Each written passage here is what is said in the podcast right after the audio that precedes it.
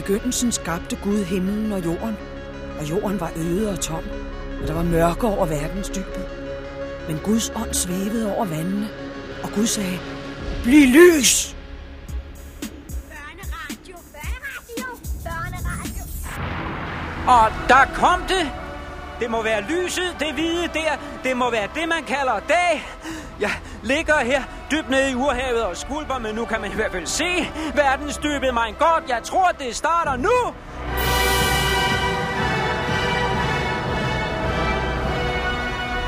Vi tager den en gang til forfra.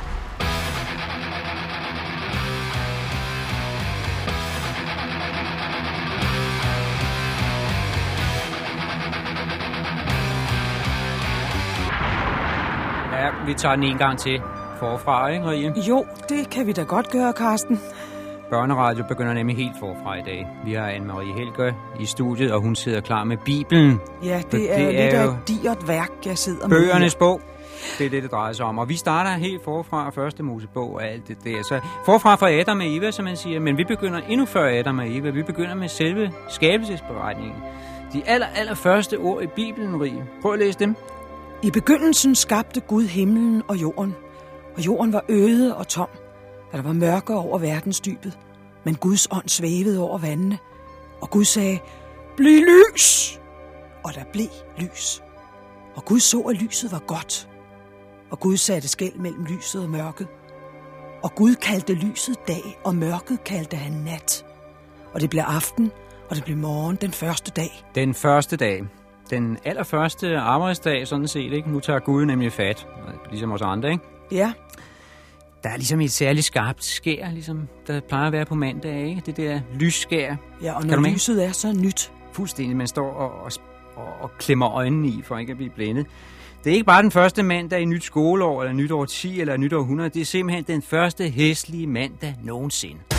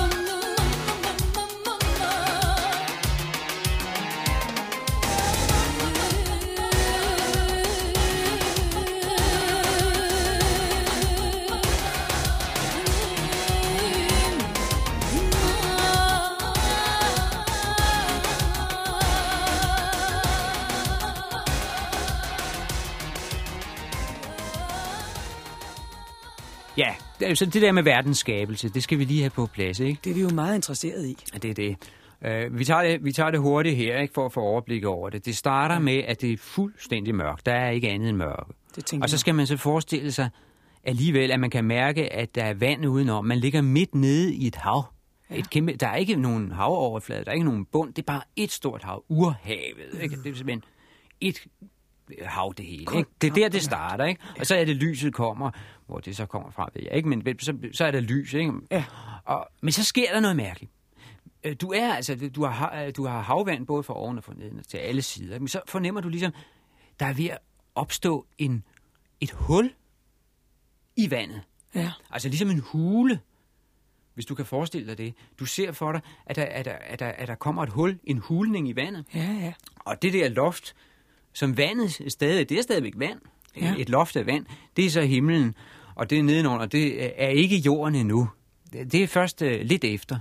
Fordi så øh, beordrer Gud, at, at vandet øh, på gulvet af den her hule skal koncentrere sig og skille sig ad, sådan at landjorden øh, kommer til syne. Når det så er sket, så begynder planterne at spire frem. Ja. Og så finder Gud på en sol og en måne og nogle stjerner. Det er godt fundet på. Så er det ligesom anbragt op på himlen, ikke? Ja. Og så øh, kommer øh, de andre, altså nu kommer dyrene ind i billedet, ikke? Jo. Og der er det nemlig rigtigt sådan set, hvad Bibelen skriver, at det starter med havdyrene, det starter med fiskene og, og, og livet i havet. Det var også der, det startede, så vidt man ved, ikke? Ja. Biologisk. Øh, det står der faktisk i Bibelen. Det starter med havet, og så kommer fiskene, og så kommer fuglen, ikke? Og så bagefter, så kommer, som der står, øh, kvæget og krybet og de vilde dyr. ja, De vilde dyr. fordi nu er, nu, nu er den her jord, altså, øh, først bliver den til øh, vokse med urter og frugttræer og så videre, og så kommer, så kommer dyrene her, ikke? Ja. Og så først til allersidst kommer mennesket, ikke? Ja. Så finder han på den der ulyksalige idé med at, at sætte mennesker op. Men det, der er, er sket her, det er, at, at, at dyrene kommer før mennesket. Det gør de, gjorde det jo også i virkeligheden. Ja. Det, der er sket, det er, at, at i, i Bibelen tror, at, at, at køerne, øh, de var tamme, da de blev skabt. Man kunne gå lige hen og malke dem. simpelthen, smart. For der står kvæg, kryb og vilde dyr. Ikke? Så alting var i orden. Det er tydeligt, hvad det her er. Det er hyrder. De Ja. kender kvæg, de kender får, de kender geder. Det er de tamme dyr. De har selvfølgelig været der fra verdens skabelse, det er klart. Ja. Hvis man er jæger, hvis man er nomade og, og så videre, eller og hyrde, så mener man det. Der er ikke et ord om agerjorden. Prøv at læse, hvad Gud siger, der hvor han øh, beslutter sig til at skabe mennesket. Lad os gøre mennesket i vores billede, så de ligner os til at herske over havets fisk og himlens fugle, kvæget og alle vildt levende dyr på jorden og alt kryb, der kryber på jorden. Nu laver du ham øh, øh, sådan øh, meget øh, vred gammelmandsagtig. Ja, fordi sådan forestiller jeg mig Jamen ham, det er da han også. Han er vred hele tiden. Sur, ja. Sur er ikke det rigtige ord. Han er, han er sådan en, en far-type. Ja. En, en gammeldags far-type, der, der bliver meget hurtigt bliver fornærmet. At Ja. han bliver dybt såret og, og irriteret og rasende. Ja, han er lidt pirlig.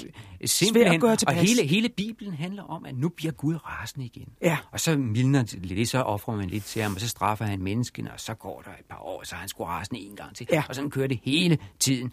Men det vi ser her, det er altså, det skal vi lige holde fast på, at den allerførste omtale af mennesket i Bibelen, det er mennesket som jæger og mennesket som fisker og kvægholder. Der er ikke et ord om agerjord og bønder og sådan noget. Det, det, det her, det er jæger, det er vilde dyr, det er dyrene, der kommer før mennesket. Alt det med, med, med, med bønderne og agerjorden, det kommer vi til senere.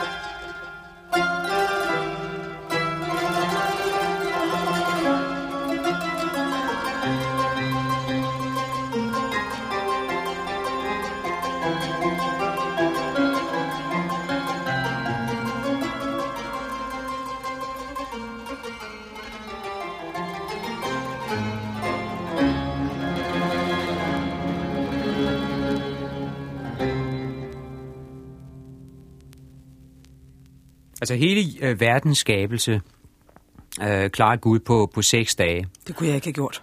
Det er simpelthen en, en normal arbejdsuge for en Gud, Ja. ja. vil jeg tro. er Øh, men, men, men så den syvende dag, så kan han også tage den øh, lidt mere med ro på at læse. Således fuldendtes himlen og jorden med alle deres herskare. På den syvende dag fuldendte Gud det værk, han havde udført, og han hvilede på den syvende dag efter det værk, han havde udført. Og Gud velsignede den syvende dag og gjorde den hellig. Til på den dag hvilede han efter hele sit værk. Alt det Gud havde skabt og udført, det er himlens og jordens skabelseshistorie. Altså, det er mærkeligt, at det bliver sagt tre gange, Ja. at, at øh, nu har han altså gjort det der, nu holder han fri i syvende dag. Jamen, det er også ved at gentage tre gange. Det er som om, det er meget vigtigt Ja. at, at få sagt, at den syvende dag er altså fridag. Nå ja, det er også vigtigt. Men så er der det lige efter her i Bibelen. Der kommer et, som man siger, et flashback. Altså, hvor man sådan lige spoler tilbage. Ikke? Ja. Fordi der er sikkert mange, der har spurgt, hvordan øh, det der med menneskene, hvordan skabte han dem og sådan. Og det bliver der så svaret på. Og, og, og, øh, og, og her er her er lidt flere detaljer. Og der skal man lægge mærke til, at denne gang, før var det dyrene, der kom først. Ja. Kvæget og alt det der, de vilde dyr kom først. Her bliver dyrene overhovedet ikke nævnt. Nå, nå. Her, her er det øh, ærejorden, der kommer først. Og så kommer mennesket. Prøv at læse. Da Gud Herren skabte jord og himmel, der fandtes endnu ingen af markens buske på jorden, og endnu var ingen af markens urter spiret frem. Til Gud Herren havde ikke lavet det regne på jorden, og der var ingen mennesker til at dyrke af af jorden. Men da sprang en kilde op af jorden og vandede al agerjord, og Gud Herren formede et menneske af agerjordens muld og blæste livsånde ind i hans næsebor. På den måde blev mennesket et levende væsen. Ja, altså for eksempel står der, at endnu var ingen af markens urter spiret frem. Nå nej, det, gjorde, det sagde han jo før. Ja, ja. Altså, det er fuldstændig modstrid. Ja, men det er det ikke. Øh, Sagen er, at, at man skal ikke regne med, at at det gamle testamente, som det jo hedder den første bog af Bibelen, man skal slet ikke regne med, at det er én historie, der hænger sammen. Du kan ikke sådan, øh, slå den i hovedet med, at den modsiger sig selv og sådan noget. Fordi det er i virkeligheden ikke én historie. Det er en hel masse forskellige historier, der ligesom er bundet sammen. Nå, det er sådan brudstykker, der er taget sammen. Ja. Nej, det er hele historier. Som Ja. man sådan ligesom har bundet sammen i en eventyrsamling, ja. vil jeg kalde det. Ja, Nærmest, der det man- er det er sådan, ja, og, og, og, og det er vidt forskellige ting. Lige før, der hører vi om, om, om jæger, hvor vigtigt det var, at dyrene kom først, og hyrder og så videre. Ja. Ikke? ikke et ord om agerjorden. Denne gang, der hører vi kun om jord hele tiden. Mennesket skabte muld af våd, frugtbar agerjord og regnen, der kommer. Det er jo en helt anden. Det er jo en bonde. Det er et bondeeventyr, det her. ja. Og det foregående, det var et hyrdeeventyr, ikke? Ja. Og sådan blander det sig. Det er en hel masse eventyr og legender og fortællinger, som kører rundt i hele Mellemøsten. Det er ikke bare jøderne, det skal man ikke tro. Det er alle mulige andre uh, arabiske folk og semitiske folk og folk i hele det mellemøstlige område. Alle deres historier er bundet sammen her, og det kalder man så uh, Bibelen. På den måde har vi fået. Det er ligesom uh, 1001 nats eventyr. Ja, og Sådan- man fortæller jo altid tingene set ud fra sin egen synsvinkel, ikke? det er klart. Så altså, det, at, at, det er en hyrde, der fortæller det, så er det... Det, der er dyrene, dyrene det vigtigste i verden. Ja. Ergo må de være skabt først. Ja, ja. Her der er det jorden, der er det vigtigste i verden. Det er forbundet. Ergo er det, er det jorden, der er skabt først. Men altså, her har vi altså bunden. Nu kører den lidt videre på det der med bunden. Øh, og, og, og øh, at, at øh, mennesket øh, nu skal i gang med at dyrke jorden og hakke og pløje, pløje og alt det der, men bliver ikke sendt på markarbejde lige med samme. Det, vi, vi, Gud giver lige mennesket en chance for at undgå alt det besvær. Ikke? De får en chance til at leve i paradiset i Edens have. My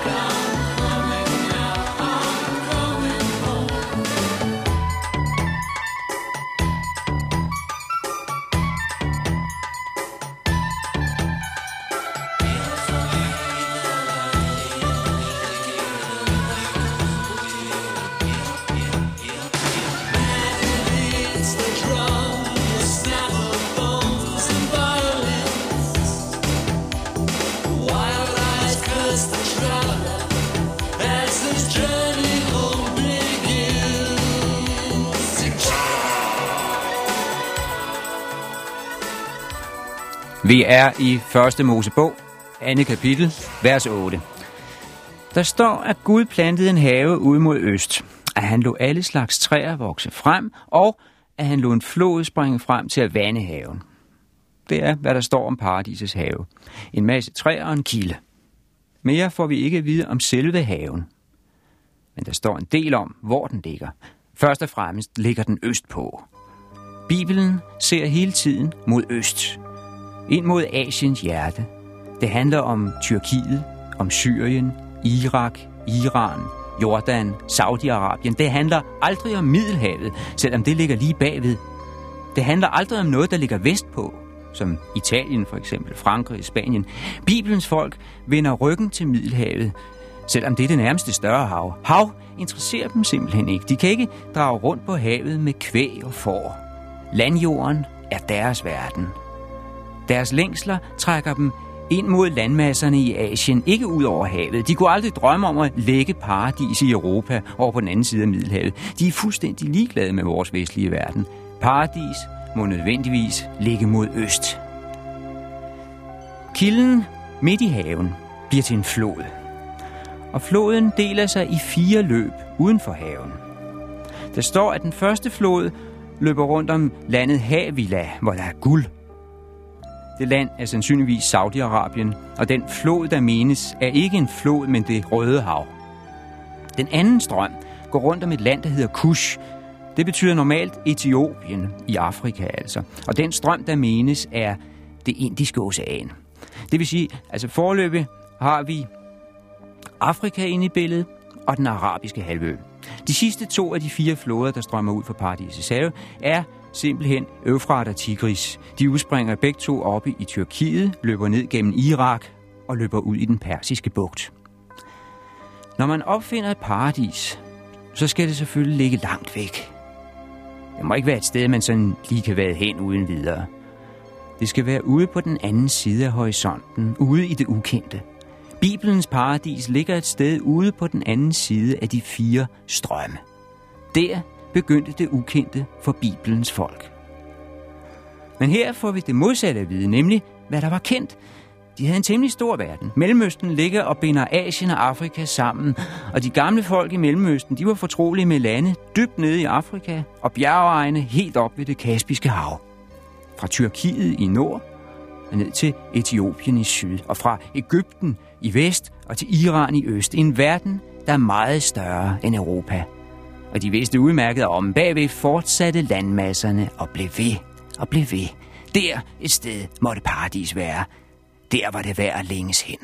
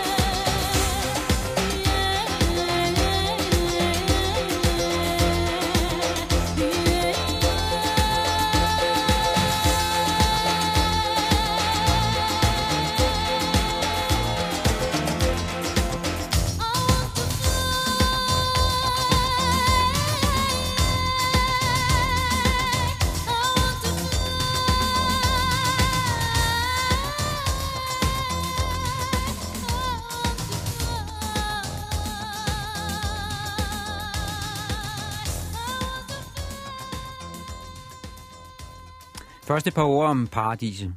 Ja. Altså om Edens have, som der står i Bibelen. Det er en have.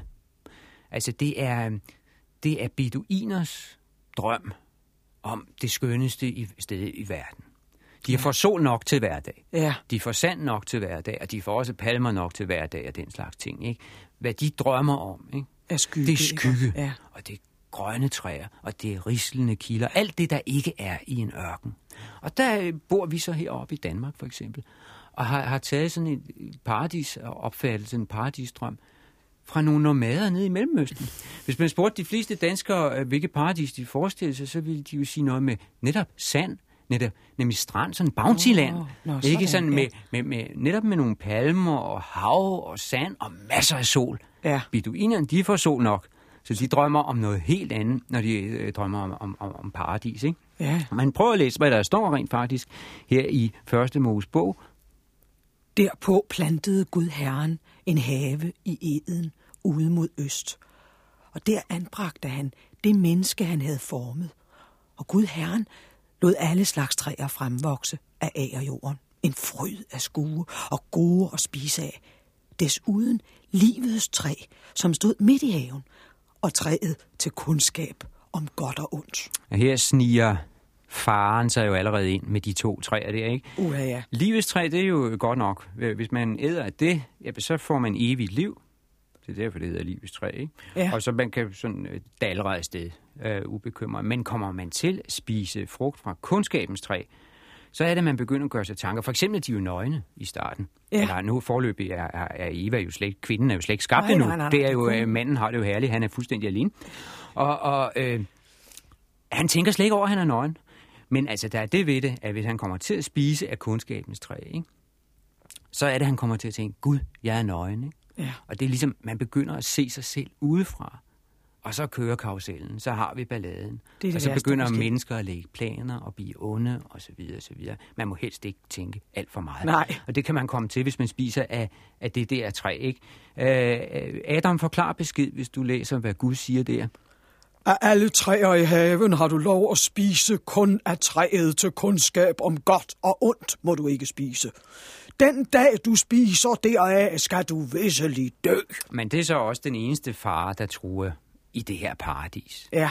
Fordi det er altså den skønne, saftige, grønne, skyggefulde have, som alle ørkenfolk øh, drømmer om hele livet. Det er den rytme, man går til i den arabiske ørken. Rytmen er rask, men sangen er så modig. Den handler om den tørre blæst, om sulten, om tørsten og om længselen et andet sted hen.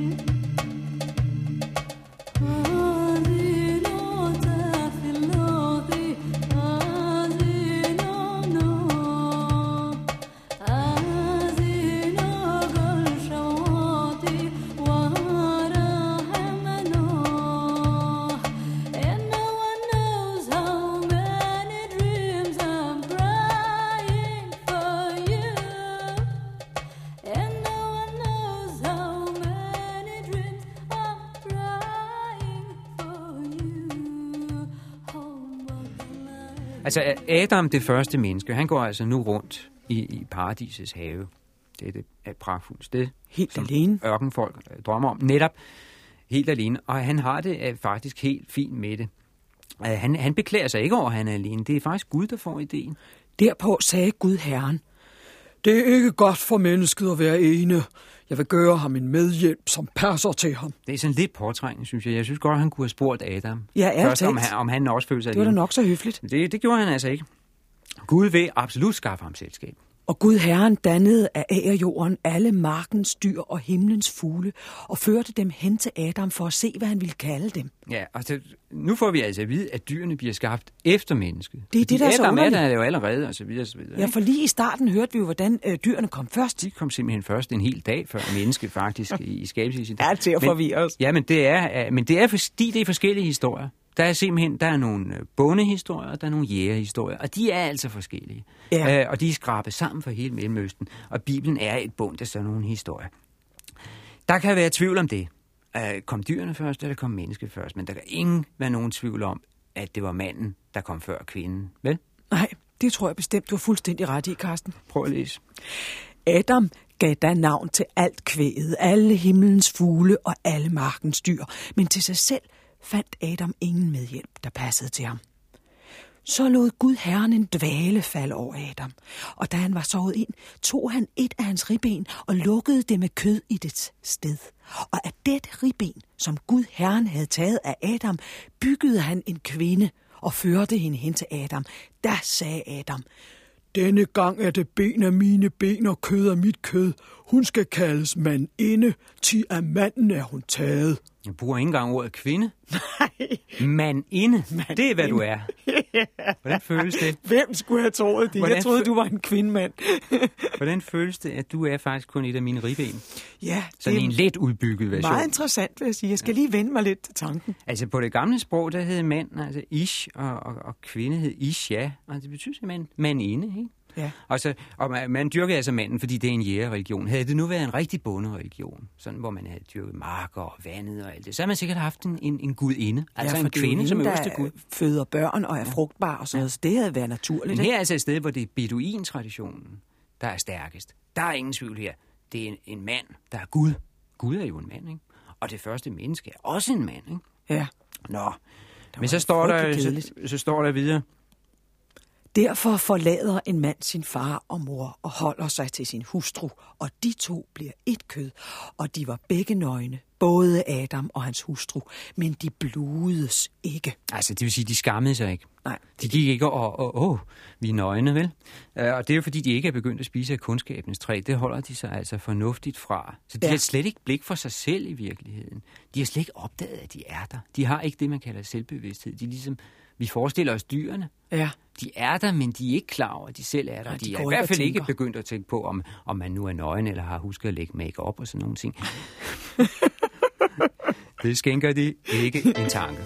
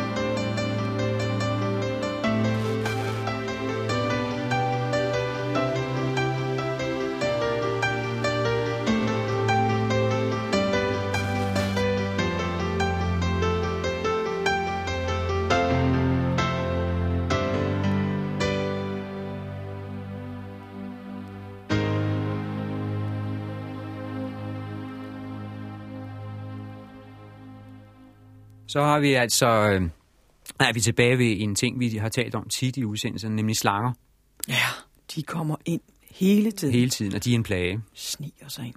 Det gør de altså også her. Øh, det ved alle enhver, men lad os lige læse, hvad der egentlig står i Bibelen. Vi får det her i Børneradio mandag. Hvad står der i Bibelen om slanger? Men slangen var træskere end alle markens dyr, som Gud Herren havde gjort, og den sagde til kvinden, Mon Gud virkelig har sagt, at der er træer i haven, I ikke må spise af? Kvinden svarede, vi har lov til at spise af frugten af alle havens træer. Kun frugten på træet midt i haven må vi ikke spise, det sagde Gud. Ja, ikke engang røre ved det, til så skal vi dø. Da sagde slangen til kvinden, i skal ingen lunde dø, men Gud ved, at når I spiser deraf, åbnes eders øjne, så I lærer at kende ondt fra godt, ligesom Gud gør. Nu dæmrede det for kvinden, at træet var godt at spise af, og det var en lyst for øjnene, og var godt at få forstand af. Og hun tog af dets frugt og spiste, og gav også sin mand, der stod hos hende, og han spiste. Da åbnedes begges øjne, og de opdagede, at de var nøgne. Derfor syede de fine blade sammen og bandt dem om sig. Ja, og der starter jo så tøjets historie, kan man sige. Ja, Tekstilindustrien starter simpelthen her med nogle, med, nogle, med nogle blade, og det har jo ikke taget nogen ende siden. nej. Hele tiden findes der på nye ting. Det, der sker, det er jo altså, at øh, pludselig ser de sig selv. Ikke? Ja, Altså, før har de bare været, været til, og på en eller anden måde måske haft det godt, men de har simpelthen ikke engang lagt mærke til, om de havde det godt. Nu, nu ser de lige pludselig sig selv, og ser, gud, vi er jo nøgne. Det har de slet ikke tænkt over før. nej, det kan være lidt et chok. Det er altså, jamen det er virkelig altså problemet ved at, at, at øh, pludselig blive lidt klogere end en hund er. Uha, uha. Ja. Så begynder man at opdage uh, ting og sager. Og, og, og rigtig slemt bliver det selvfølgelig nu, fordi uh, de har jo spist det her træ, som var forbudent, som de ikke måtte spise af. Og nu hører de Gud komme i det fjerne. Hvad sker der så? Men da dagen blev sval, hørte de Gud Herren vandre i haven, og Adam og hans hustru skjulte sig for ham inde mellem havens træer. Der kaldte Gud Herren på Adam og råbte, Hvor er du? Han svarede, jeg, jeg hørte dig i haven og blev angst, fordi jeg er nøgen, og, og, og så skjulte jeg mig. Da sagde Gud, Hvem fortalte dig, at du er nøgen? Må du har spist af det træ, som jeg sagde, du ikke måtte spise af? Adam svarede, det var kvinden, som du satte ved min side, der gav mig træet, og så spiste jeg. Altså, det er slet ikke Adams skyld. Han slader simpelthen og, og peger videre over på, på, på Eva. Hun hedder ikke Eva endnu, hun hedder bare kvinden. Men Gud går altså over til kvinden, ikke? Ja, Og, så- og så læser du derfra. der sagde Gud Herren til kvinden, hvad har du gjort?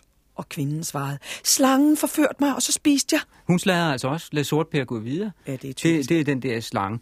Og så nu, nu, nu, nu, nu bliver Gud vred. Sådan rigtig for alvor. Det er faktisk første gang i Bibelen, han bliver vred. Og det gør han ellers ustandsligt. På hver anden side i resten af Bibelen bliver han rasende. Det her, det er første gang, og der skal virkelig uddeles øretæver her. Uh, han, han straffer ligesom på tre måder på én gang. Først er det slangen, der skal straffes. Der sagde Gud Herren til slangen, fordi du har gjort dette, skal du være forbandet blandt alt kvæget og blandt alle markens dyr.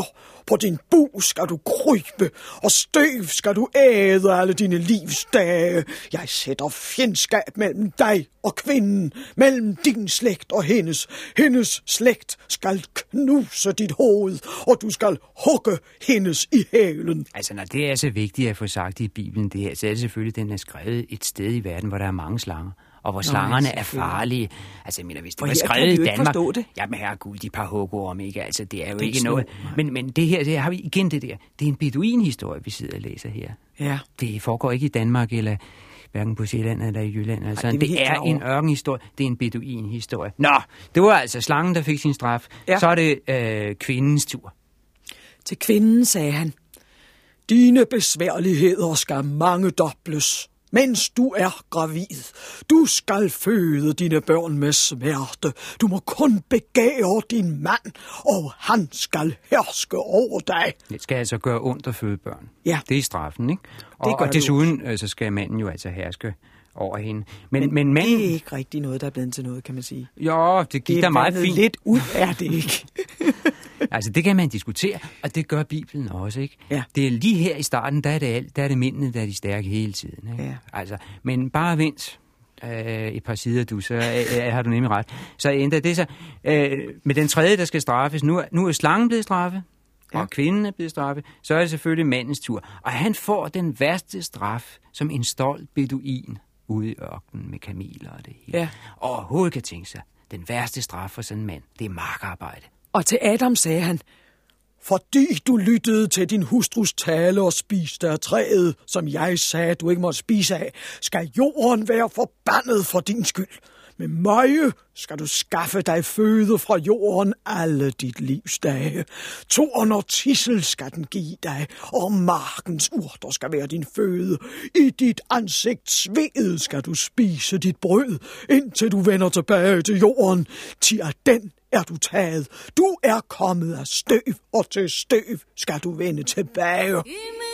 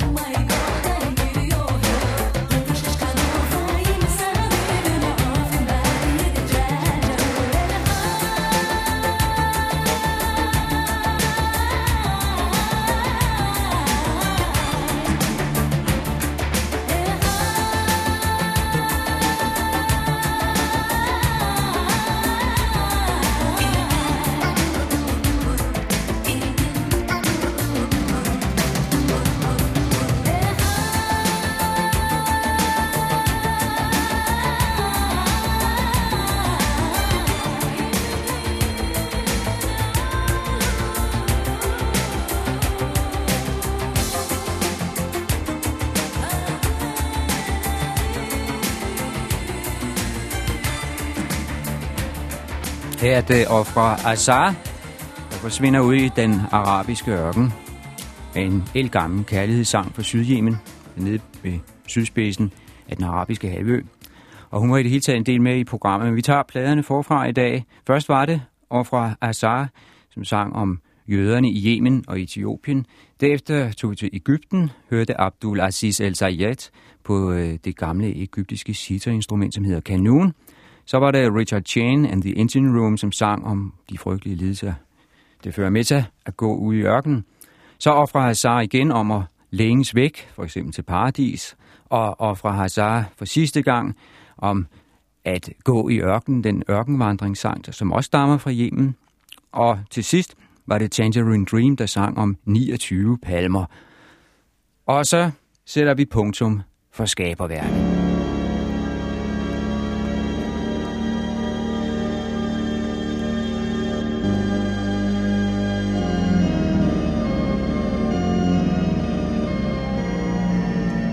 De fleste tror, at det vigtigste i livet er at arbejde. Man siger for eksempel, at lediggang er roden til alt ondt. Altså at dogenskab er noget skidt, og arbejde det eneste rigtige. At arbejdet er en velsignelse. Men intet kan være mere forkert. Arbejdet er ikke en velsignelse. Arbejdet er en forbandelse. Den allerførste forbandelse Gud hamrede ned i hovedet på os. I dit ansigtssved skal du slide og slæbe. Med møje skal du skaffe dig føden, står der. Første Mosebog, kapitel 3. Og lige siden har vi aset og maset.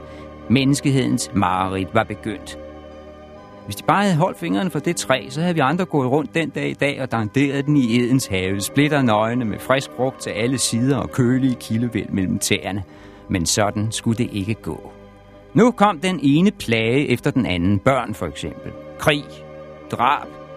Det kommer alt sammen om en uge på denne tid og på denne kanal.